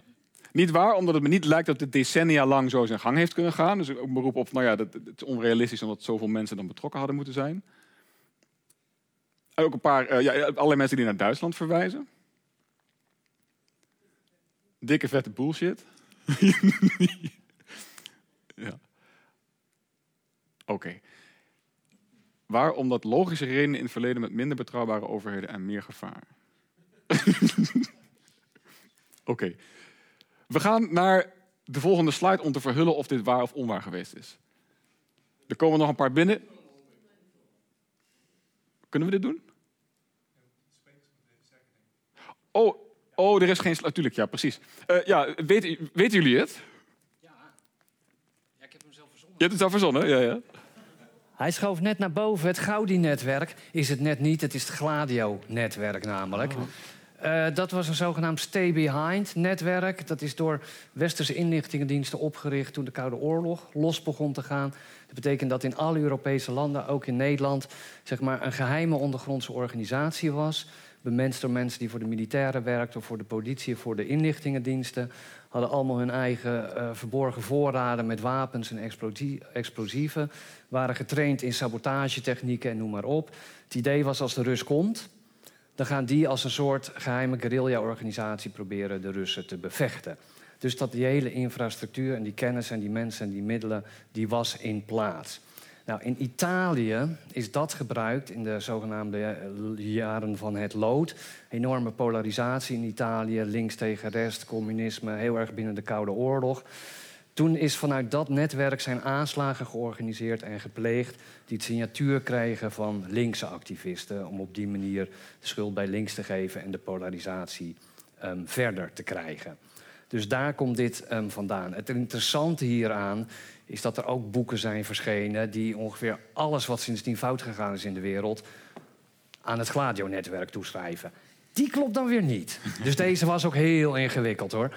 Maar in Nederland hebben we ook voorbeelden ervan gekend. Um, er zijn gewoon mensen geweest die liepen in het bos en die dachten... Die, die, die bladeren liggen wel heel raar en die zijn gaan graven. En die stuiten gewoon op enorme tonnen met mitrailleurs en noem maar op. En het schijnt dat een paar Nederlandse gladioleden op een gegeven moment... met hun kennis en middelen ook uh, wat bankovervallen zijn gaan plegen... om zeg maar wat hun eigen pensioen aan te vullen. Dus dat, het zijn interessante netwerken, maar deze die klopt dus wel. Waar, oké. Ik ben, dus, en had de meerderheid nou ook voor waar gestemd? Ik, ik 52 om 58. 58? Dik ja. bij okay. oh, we, gaan van, we gaan naar de volgende stelling. En die is... Waar of niet waar in de vaccinaties tegen de Mexicaanse griep... zijn dodelijke stoffen toegevoegd om overbevolking tegen te gaan? Hier lijken de stemmen wat anders verdeeld te zijn. Nogal anders, ja. Wauw, het contrast is groot. En we hebben nu ook al meteen meer respondenten dan bij de vorige vraag. Oh nee, de 55, ja precies. Oké, nou, um, dan de volgende slide. Kunt u weer aangeven waar of onwaar omdat?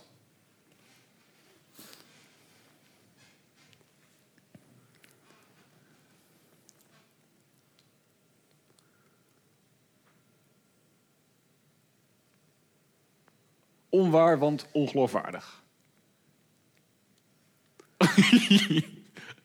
Je vergeet niet er waar of onwaar voor te zetten, anders weten we niet of het een rechtvaardiging van een waar of onwaar antwoord is. Al kunnen we gezien de verdeling van de antwoorden eh, de meeste antwoorden als rechtvaardiging van onwaar beschouwen. Ja, omdat dit aan het licht gekomen zou zijn. Te sinister om waar te kunnen zijn. Niet zo stoer als je geen bewijs hebt.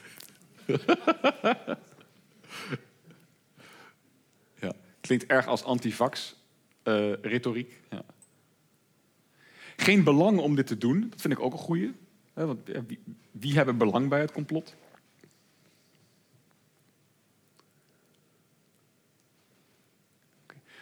Nou, ik denk dat we omwille van de tijd nu eh, het open aan de sprekers gooien. Jelle, deze was onwaar, neem ik aan. Ja, deze was ehm, onwaar voor zover ik weet, zeg ik erbij. Deze wordt wel, is heel erg hardnekkig. En alles wat met vaccinaties heeft te maken en met de middelen die erin zitten. Het varieert van het is nog nooit goed getest. En ik ken heel veel verhalen van mensen die het hebben gekregen en vervolgens autistisch zijn geworden. Allemaal van dat soort verhalen zit er altijd wel in. Tot zeg maar deze varianten die heel erg ehm, hard zijn. Ik kan me wel voorstellen, heeft ook heel vaak te maken met kinderen. Eh, je spuit toch een een of ander chemisch goedje in je kind. En je weet niet precies, en dan komen we weer op van... ja, weet jij precies wat er in dat vaccin... Nee, ik heb daar ook de ballen verstand van. Dus ja, ik vertrouw uiteindelijk wel op een dokter. In de discussie heb ik ook wel eens met RIVM over dit soort dingen gehad. Dan zeg ik ook altijd van, geef nou toe dat er een risico zit aan vaccineren. Want dat is namelijk zo. Alleen zet het af tegen het risico van het niet doen. Maar dan ben je wel net iets eerlijker bezig dan altijd zeggen van... nee hoor, 100% getest en veilig. Hmm, ja. Ja, minder voedingsbodem voor wantrouwen. Ja. ja, Oké. Eh, we gaan naar de derde en volgens mij laatste. Dat is deze. Waar of niet waar? In een Europees land zijn tussen 1935 en 1971 duizenden vrouwen buiten hun weten gedwongen gesteriliseerd, omdat ze voor inferieur of van slecht gemengd ras doorgingen. In een Europees land tussen 1935 en 1971. Wauw. Ook hier een vrij duidelijk antwoord.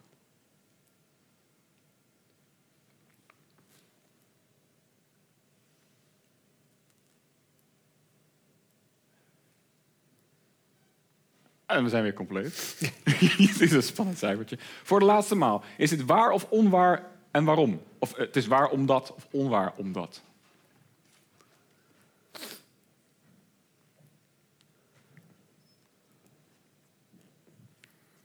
Waar? Ik was erbij. Maar ik weet niet waarom. Ja. Nazi-Duitsland, ik weet niet of dat in 1971 nog heel actueel was. Uh, Groot-Brittannië wordt hier naar verwezen. China. Oh ja, god ja. Dat klinkt wel als de tijdsgeest.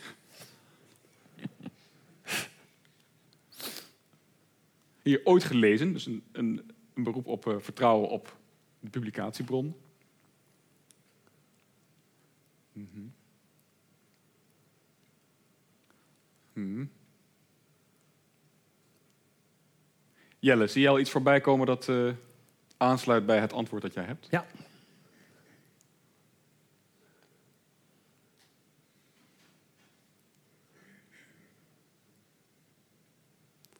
Oké. Okay.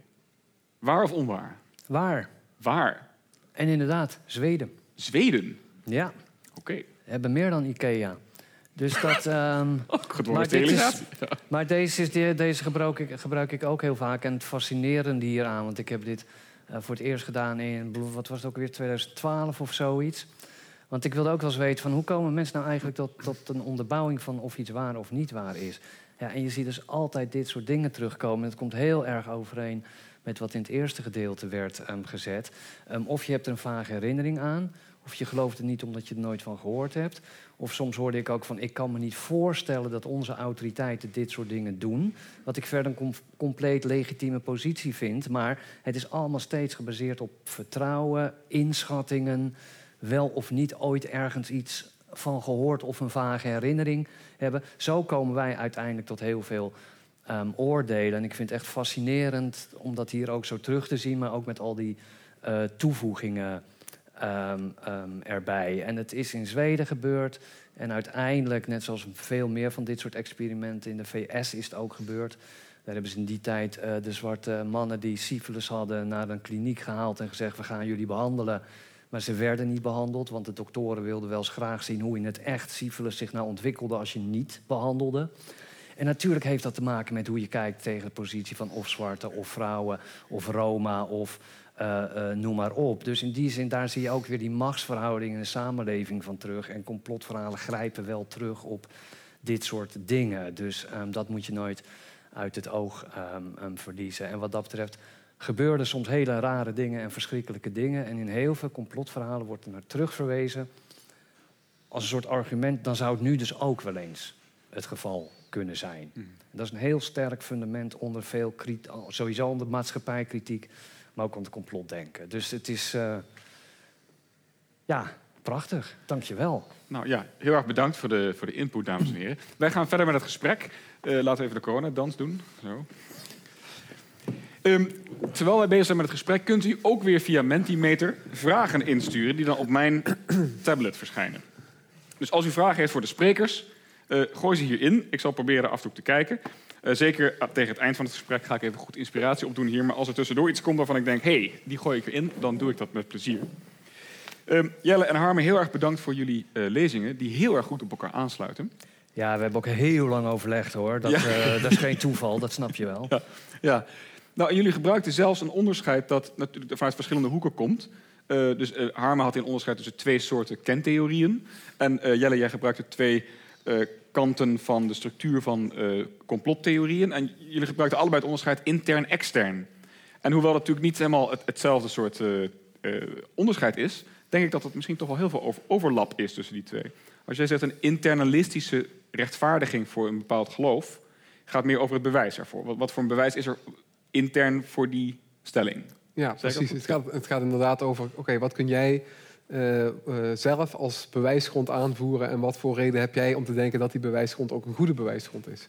Ah, Oké. Oh, dus het is niet helemaal hetzelfde als de interne structuur van een complottheorie, want daar gaat het over. Ja, Ja, nee, het, het is meer hoe je zelf aankijkt tegen het verschijnsel complotnarratieven. En waar je op wil richten wat je interessant vindt. Nou, en dan is die interne dimensie, dan ga je dus heel erg kijken op wat wordt er precies gezegd. Eh, heel vaak is dan de, al de inzet van ik wil het gaan ontkrachten. Hmm. Zo denk ik van ja, waarom? Ja, ga dat eerst eens uitleggen. En die externe betekenis is veel meer wat is de maatschappelijke functie, wat zegt het over de maatschappij, wat is de aantrekkingskracht van dat soort verhalen. Dus daar zit een beetje het, eh, het onderscheid. ja precies. Oké, dus misschien moeilijk om die parallel te trekken. Ja, je kan. je- je- kijk, het is, eh, ik denk dat er wel verschillende eh, begrippen en terminologieën zijn. Maar je ziet wel wat interessant is: mensen die dan geïnteresseerd zijn in de interne samenstelling van zo'n eh, van zo'n complottheorie, gaan precies kijken naar: oké, wat voor soort dingen worden er gezegd en hoe wordt dat onderbouwd? Mhm. Op een manier die natuurlijk mooi overeenkomt met het idee van: oh ja, het gaat om bewijzen. Maar ik denk ook bij veel complottheorie gaat het niet om de details. Wat je ook ziet, als je ziet wat voor bewijzen complottheoretici aanvoeren, dan zijn dat vaak bewijzen die de gevestigde orde ontkrachten. Dus het gaat zojuist om laten zien van dat iets niet klopt. Hè. Denk weer aan die foto in het begin. De maanlanding is fake. Waarom? Nou, kijk hier, hier, hier. Ja, wat volgt eruit? Nou, dan volgt het niet uit dat de aarde plat is, bijvoorbeeld. Maar toch wordt het vaak ingezet op zo'n manier.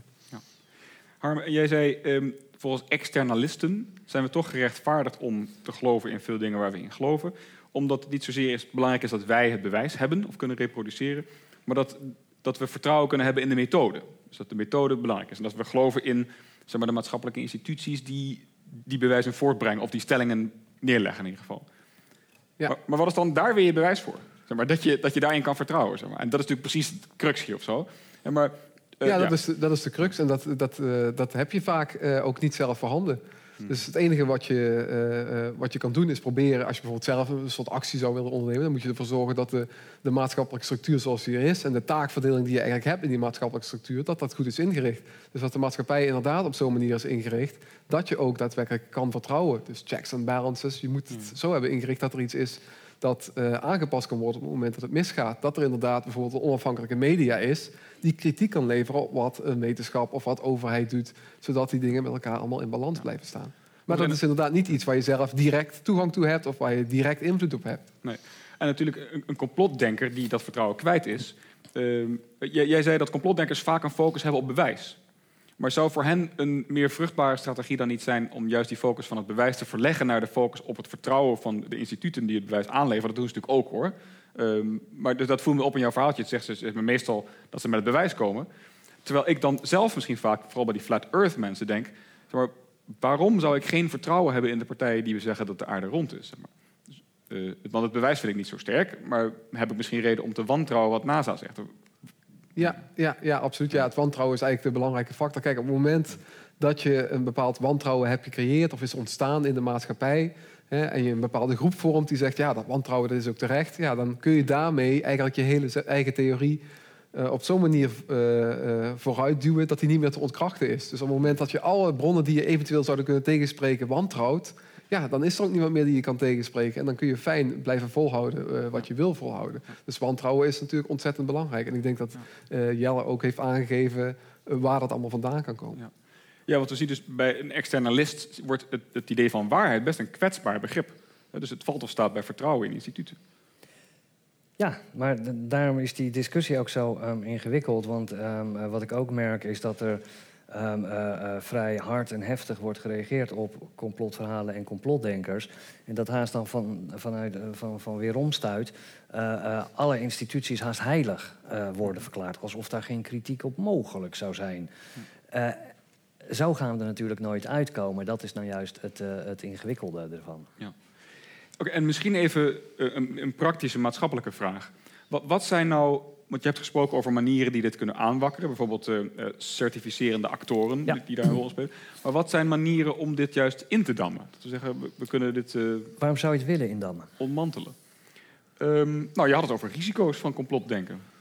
Ja, maar dan heb je het over een extremistische stroming daarbinnen. En hè, dat, dat zien we op meer terreinen. Dat is niet uh, uniek voor complotdenken. En complotdenken is daar ook niet per se de hoofdreden um, voor. Ja. Daar kun je naar kijken. Maar gewoon ook omdat, ik, omdat dat heel vaak de insteek is. Wat, wat, kunnen we gaan doen om dit in te dammen en terug te dringen? Dat, daar beginnen we al mee. Maar dat, volgens mij moet je dan een stap terug gaan. Waarom eigenlijk? Waarom is dat zo verschrikkelijk?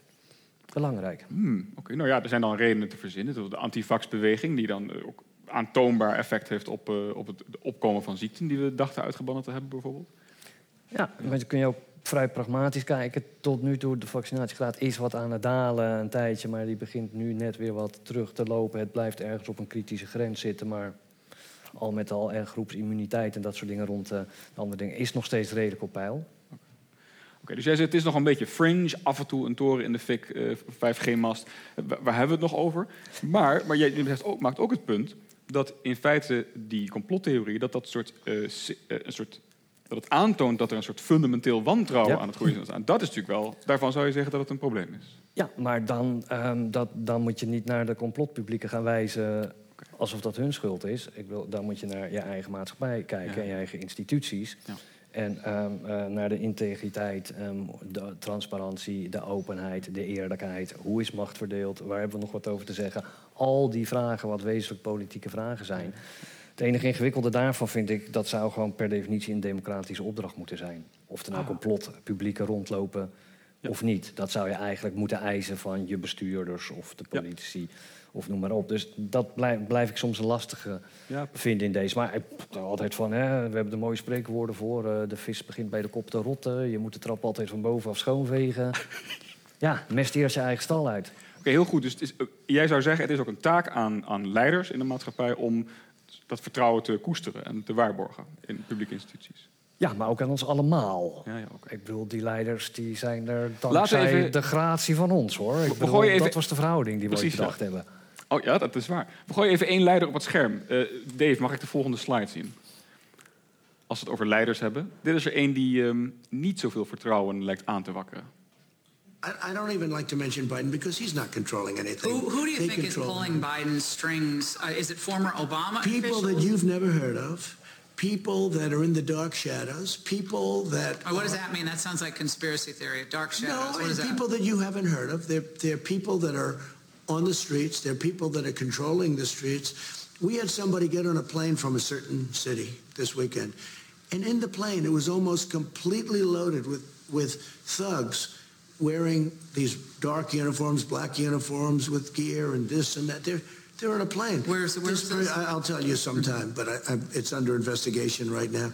But they came from a certain city, and this person was coming to the Republican National Convention and there were like seven people on the plane like this person, and then a lot of people were on the mm. plane to do big damage. They were coming planning for Washington. Yeah, this was all. This is all happening. But and the money is coming from somewhere. Money is coming when, from. How can it be from some very stupid rich people that have no idea that if their thing ever succeeded, which it won't, they will be thrown to the wolves like you've never seen. Ja, dus zou je zeggen dat dit een. Uh, Zou je zeggen dat dit een certificerende actor is? Ja, nou, denk ik, zullen we hem gewoon in de categorie aanjagers eh, plaatsen? Oh, oh, aanjager, Want het is, gaat natuurlijk nog wel wat verder. Maar kijk, dat is het, eh, ik bedoel, dat is ook wat grappiger. Toen ik ooit met dat onderzoek eh, begon eh, hierna, dat was in 2011 of zo. Mhm. Toen was ook echt het idee van, hè, dan zit je een beetje in de randen van de samenleving te vroeten en daarnaar te kijken. Terwijl ik bezig was, liepen ze gewoon het Witte Huis binnen. En namen ze in Hongarije ongeveer de macht over. En in Polen. Al dit soort elementen zitten inmiddels in politiek en eh, bestuur. Dus ehm, daar eh, zie ik meer gevaar en risico op de langere termijn van komen...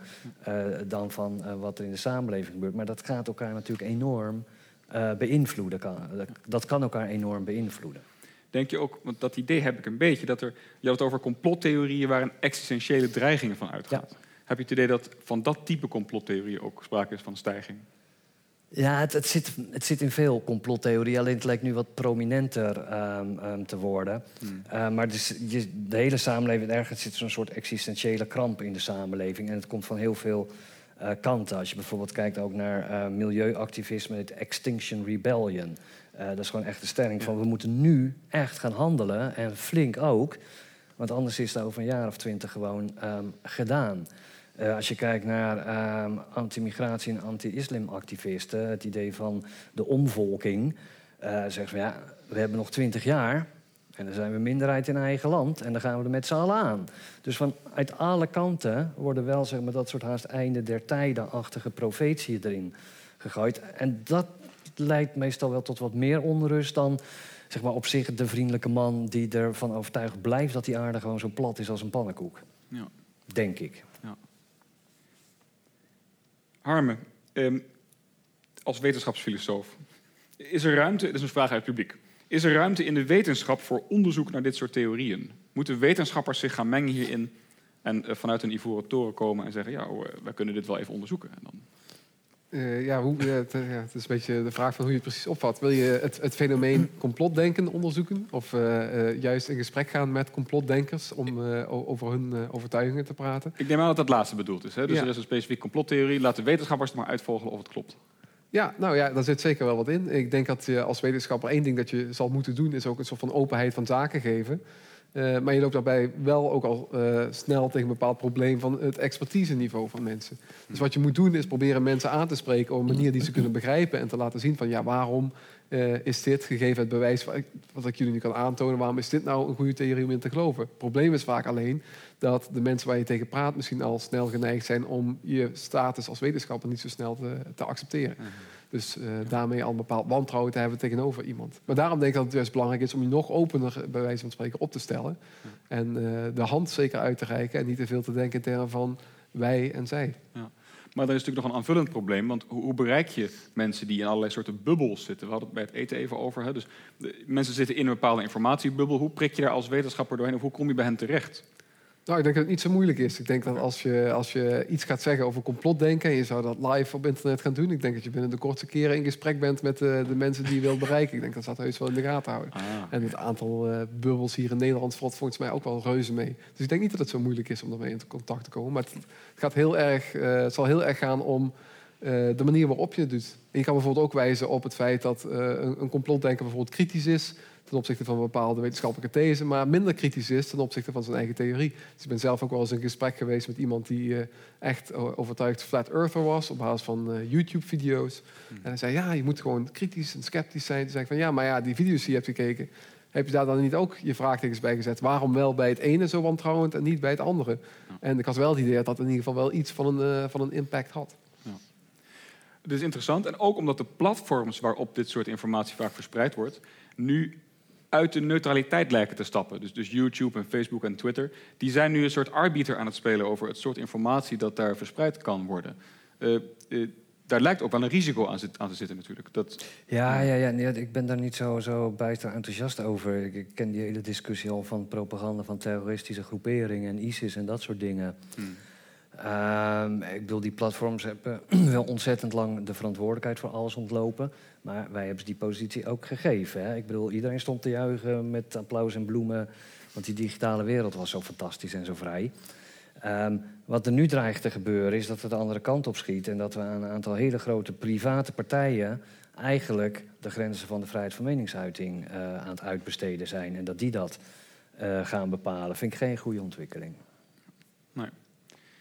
En natuurlijk verliezen ze direct al hun geloofwaardigheid bij een, een publiek dat al twijfelt aan dingen.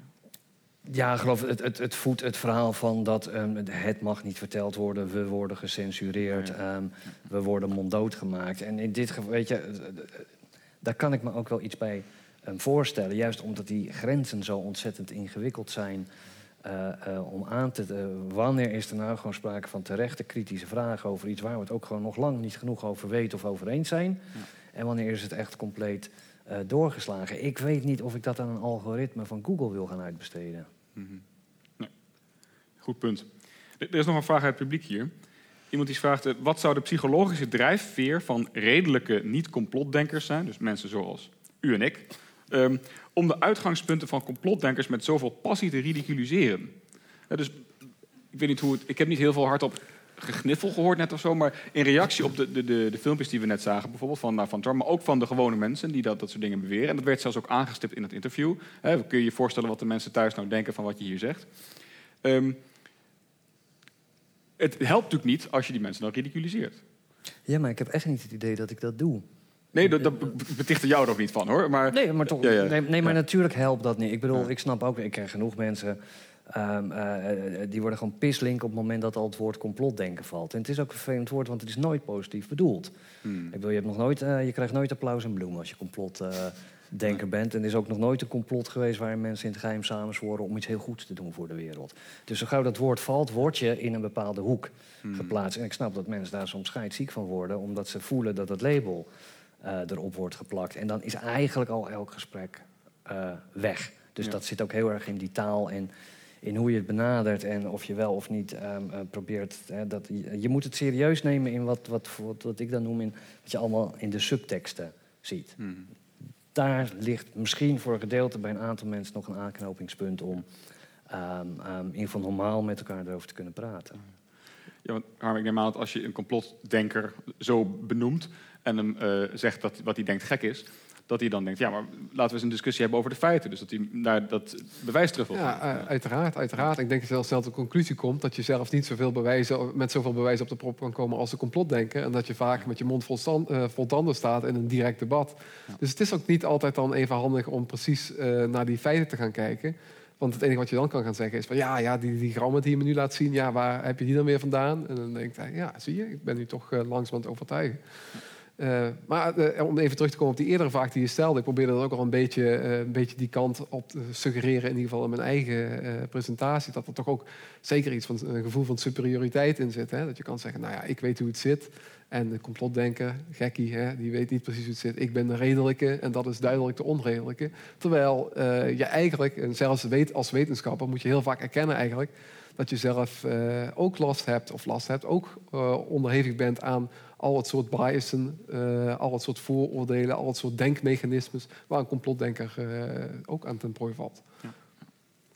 Nog een interessante vraagje. Dus wat is precies het verschil tussen een complottheorie en een wetenschappelijke theorie? En dan neem ik aan dat het antwoord is dat wetenschappers wel echt een internalistische reden hebben om te geloven in hun stelling.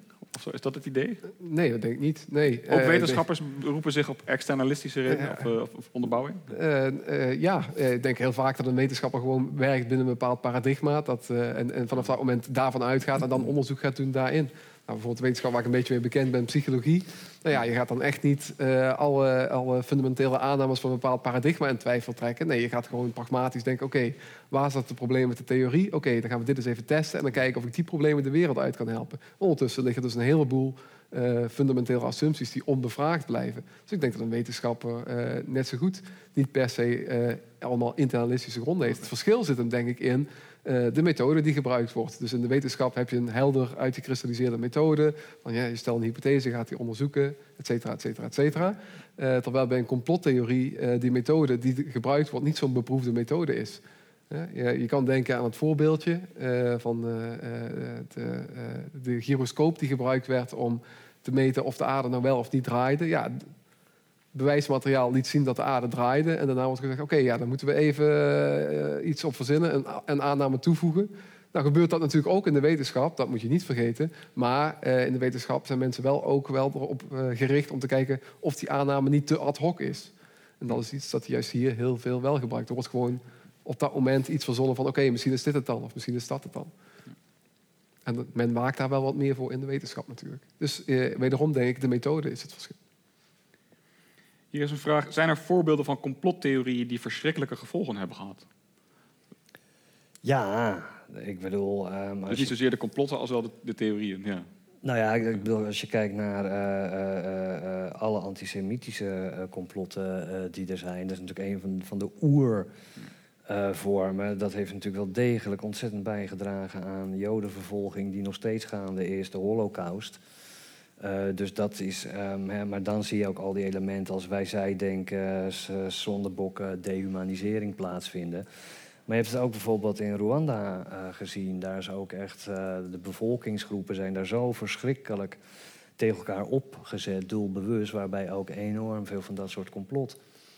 Elementen een rol spelen. Dus daar zit wel het risico in. Dus, maar ja, dat blijft. Ik bedoel, ik probeer er altijd een soort balans aan eh, in te vinden. ehm, eh, dat je niet al te hysterisch op moet reageren. Maar er zit wel degelijk daaronder heb je wel het over dit soort risicovolle elementen. Dus je moet er ook vanuit een soort inschatting van risico en dreiging voor democratische waarden, moet je er altijd wel ook kritisch op blijven monitoren.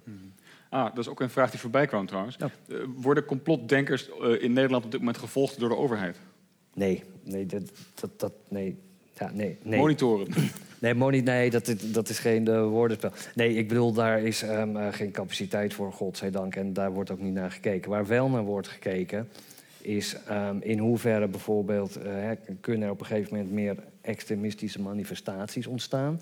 Maar dan gaat het meer om het extremisme dan om het complotdenken. Want extremisme kan ook uit andere bronnen eh, gevoed worden. Dus hè, er moet echt wel heel wat gebeuren voordat je wat dat betreft op die manier in de belangstelling komt te staan. Daarnaast wordt er op dit moment wel, en ik bedoel, die vragen komen dan ook altijd bij ons binnen. Het zijn enorme hypes. eh, eerst moest plotseling alles weten over jihadisme en uitreizigers. En nu is het plotseling de vraag van... help, wat zijn complottheorieën? Kun je het even komen vertellen? Dus dat gaat zo op alle kanten. Maar er wordt nu wel gekeken van ja, wat gebeurt er op het Malieveld? Hoe gaan die protesten zich ontwikkelen? Ik bedoel, in Berlijn 40.000 mensen volgens mij op de been. Eh, vrij grote, grove gewelddaden vanuit extreem rechts dat dat probeert te kapen. Daar wordt uiteraard naar gekeken. Maar gewoon complotisten of complotdenkers in de gaten houden, dat gebeurt niet. Er is hier een vraag die eigenlijk heel terecht is. En eigenlijk raar dat we die nog niet eh, te sprake gebracht hebben. Maar is er een soort operationalisering te geven of een definitie van wat nou een complottheorie is? Ja, dat, dat is in feite natuurlijk het thema van de hele avond geweest. Eh, en ik vermoed dat het antwoord zal zijn: ja, het is, het is een grijs gebied of zo. En op een gegeven moment is er een grens dat je zegt: nou, nu gaat, wordt het onredelijk en dan wordt het een complottheorie. Of, ja, nee, hmm. Nee, ja, ik probeer, maar goed, daarom moet jij me vooral. Ik, vanaf het begin dat ik ermee bezig ben geweest, was dat mijn grootste probleem. Je wordt al op pad gestuurd met een term Ja. Die eigenlijk al heel veel eh, iets negatiefs in zich draait. Dus ik dacht eerst van, nou, dan ga ik het complotconstructie noemen. Dat, dat klinkt al wat vriendelijker dan complottheorie. Maar ja, dat zijn van die semantische trucjes die wij wel eens toepassen, omdat je het eigenlijk gewoon niet weet. En, tot ik die, ehm, en toen dacht ik van ja, nee, maar daar zit ook wel weer iets, iets, iets zinvols in. Want het gaat erom dat mensen een bepaalde gebeurtenis verklaren. Het, het, het is gekomen door een relatief kleine groep mensen die samenspant met kwade eh, bedoelingen. Dus daarmee probeer je het eigenlijk zo neutraal ehm, eh, mogelijk te halen. En ga je helemaal voorbij, of blijf je zo ver mogelijk weg van de vraag: maar klopt die ook of klopt die niet? Maar dat heeft te maken met hoe ik, zeg maar, door welke lens ik ernaar kijk voor mijn onderzoek. Ja, ik denk dat ik daar ook wel eh, mee eens zou zijn. Dus het inderdaad een complottheorie is, zou je zeggen, iets van een, een select aantal eh, groepen die in het geheim opereren om iets te bewerkstelligen. En als je dat gelooft, nou ja, dan geloof je in een complottheorie. Maar de, de, de, de term zoals we hem vaak gebruiken, en zoals die gebruikt wordt, heeft natuurlijk die negatieve connotatie dat het onredelijk is. Dus dan heb je meteen een, een heel specifieke eh, variant eigenlijk van wat eigenlijk een algemene term is, complottheorie. Waar in principe, eh, denk ik, ja, er is geen reden om te denken dat je van tevoren eigenlijk iedere complottheorie een soort van lage waarschijnlijkheid zou moeten toedichten. Alleen omdat het een complot is. Waarom? Nee, we zien in de geschiedenis genoeg complotten. Dus daar is eigenlijk niks onredelijks aan om te geloven in een soort complot. Hmm. Dit is een lastige. Ik heb nog een leuke vraag die ik eerst niet snapte, eh, maar toen wel, hoop denk ik. De vraag is: Zijn goedgelovige mensen minder vatbaar voor complotten? Omdat de, de complotdenkers zo heel sceptisch zijn keer. Als je goedgelovig bent, ja, dan... Dan laat je gewoon alles aanlullen. Ja, dan, Ja. Dan, dan geloof je gewoon wat de juf op school gezegd heeft... en dan stel je daar verder geen vragen bij. Nee, ja, goh, nou, ik vind hem interessant. Ehm, Dat weet ik niet, maar ik vind Nee, het concept goedgelovig ook wat, eh, ja. Wat ingewikkeld. Ja, het lijkt me een lastig Eh, experiment om te operationaliseren. ja, precies. Ja. Eigenlijk ga je mensen die dan in complot geloven, ja, die kan het niet van tevoren als goedgelovig al bestempelen, want dan wil je juist onderzoeken. Dus eh, hoe, Ja. hoe, eh, hoe, hoe meet je goedgelovigheid precies? Je moet ze eerst proberen wat wijs te maken... en de mensen die erin trappen, ga je dan volgens het experiment laten doen. Ja. Nou ja, wat je wel ziet in de experimenten die gedaan zijn. Zover voor de validiteit van onze kennis. Ja. Wat, je- wat je ziet bij, bij onderzoeken die gedaan zijn, natuurlijk dat ze kijken: oh, als je in één complottheorie gelooft, geloof je dan ook in meerdere complottheorieën. Ja, ja. Dus kijken of het in die zin met zit- geloofwaardigheid te maken heeft. En dat, dat is zo, maar als je kijkt naar waar het vandaan komt, hè, het wantrouwen van bepaalde instituties, dan is het ook helemaal niet gek dat je zegt: ja. eh, Oké, mijn fundamentele uitgangspunt is, er is iets mis. Er klopt iets niet aan het verhaal van de overheid. En dat je dan in meerdere complottheorieën gelooft, is op die basis dus helemaal niet zo gek. Dus ja, moet je dat dan goed gelovig noemen? Dat denk ik niet. Mensen zoeken gewoon houvast. Ik bedoel, als je de godganse dag aan alles, alles moet twijfelen, dan word je echt helemaal gek. Nou, ik zoek het houvast door dan te denken van, nou, pff, uiteindelijk ga ik dan toch maar een beetje die eh, instituties vertrouwen. En als ik naar de dokter ga, dan ga ik naar de dokter. Dan ga ik niet de hele avond eerst zelf googelen om te achterhalen wat ik heb. En dan ga ik naar de dokter toe om dat bevestigd te laten krijgen. Denk ik en dan maar hopen dat ze niet door de farmaceutische industrie betaald wordt. Maar als ik daar de hele dag alleen maar over moet nadenken, dan heb je geen leven meer. De mensen die in een complot geloven, dan hebben eigenlijk ook precies hun eigen houvast. Alleen zij vullen het totaal anders in. Maar dat is ook een manier om af te komen van die martelende onzekerheid. Ja, Zo'n eh, ontological security eh, heet dat in mijn kringen. Dus als, als je niet meer ergens op kunt vertrouwen, niet meer ergens een soort fundament hebt, ehm, ja, dan ben je echt heel snel in paviljoen 6 aangekomen. En denk je dat geloof in een complottheorie ook kan aanjagen dat je misschien verder in je problemen zakt? Omdat je misschien in sociale context dan met de nek aangekeken wordt. ik, Nou ja, die is gek geworden en het zal wel. En dat je dan verder in een soort ja, eh, gat van wantrouwen valt. Ja, maar Ja. daar hebben we dan godzijdank die sociale media voor.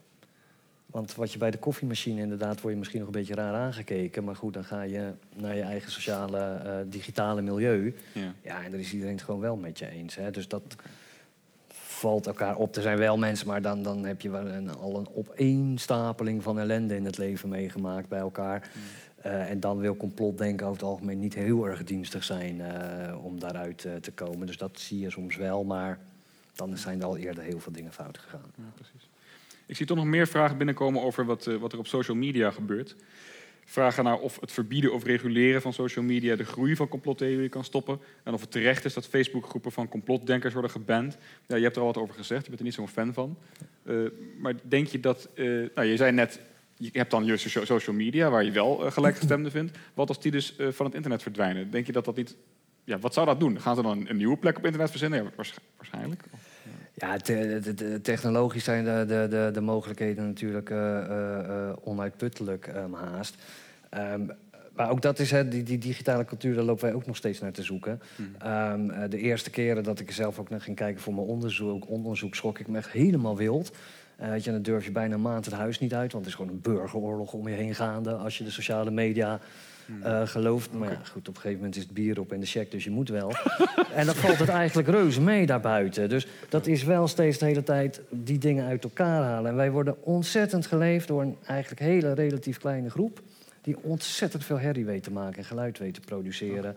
via sociale media, waar dan helaas de gewone media ook weer opspringen. Echt degene die heeft uitgevonden dat what is trending on Twitter today...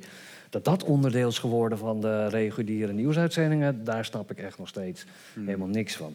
Maar we hebben ook wel eens gedacht van... ja, je hebt toch liever uiteindelijk dat ze elkaar met digitale knuppels te lijf gaan... dan dat ze het echt op de straat doen. Dus misschien is het ook nog ergens een soort blessing in disguise. Maar ook daar kun je niet echt een experiment eh, op doen. Van dat je zeg maar een wijk afbakent en daar de wifi eruit trekt. en dan na drie maanden eens komt kijken wie er nog leeft. Ja, dat- althans, ik krijg Ja. dat niet door ethische commissies, Nee, eh, vrees nee, ik. eh, nee. Die steeds belangrijker worden. Dus. Eh, we zijn aan het eind van ons programma gekomen. De vragen worden inmiddels ook eh, van een aard dat ik denk... eh, eh, die heeft de bananenkrom gemaakt en zo. En, eh, en iemand vraagt ook, eh, komen mijn vragen wel door... of worden deze vragen door een complot tegengehouden? dus, eh, excuses dat ik niet aan alle vragen toe ben gekomen. Maar we zijn inderdaad aan het eind van het programma gekomen. Eh Harme en Jelle, heel erg bedankt voor jullie tijd. en u heel erg bedankt voor uw komst. Dapper in deze tijd. En hopelijk tot bij een volgende Radboud Reflex activiteit. Eh, nu moet ik tot slot nog zeggen of u verzoeken om eh, corona-proof de zaal te verlaten. Dus dat wil zeggen, eh, vanaf vooraf gezien, de eerste voorste rij, dan naar achter toe werkend, aan die kant naar buiten lopen.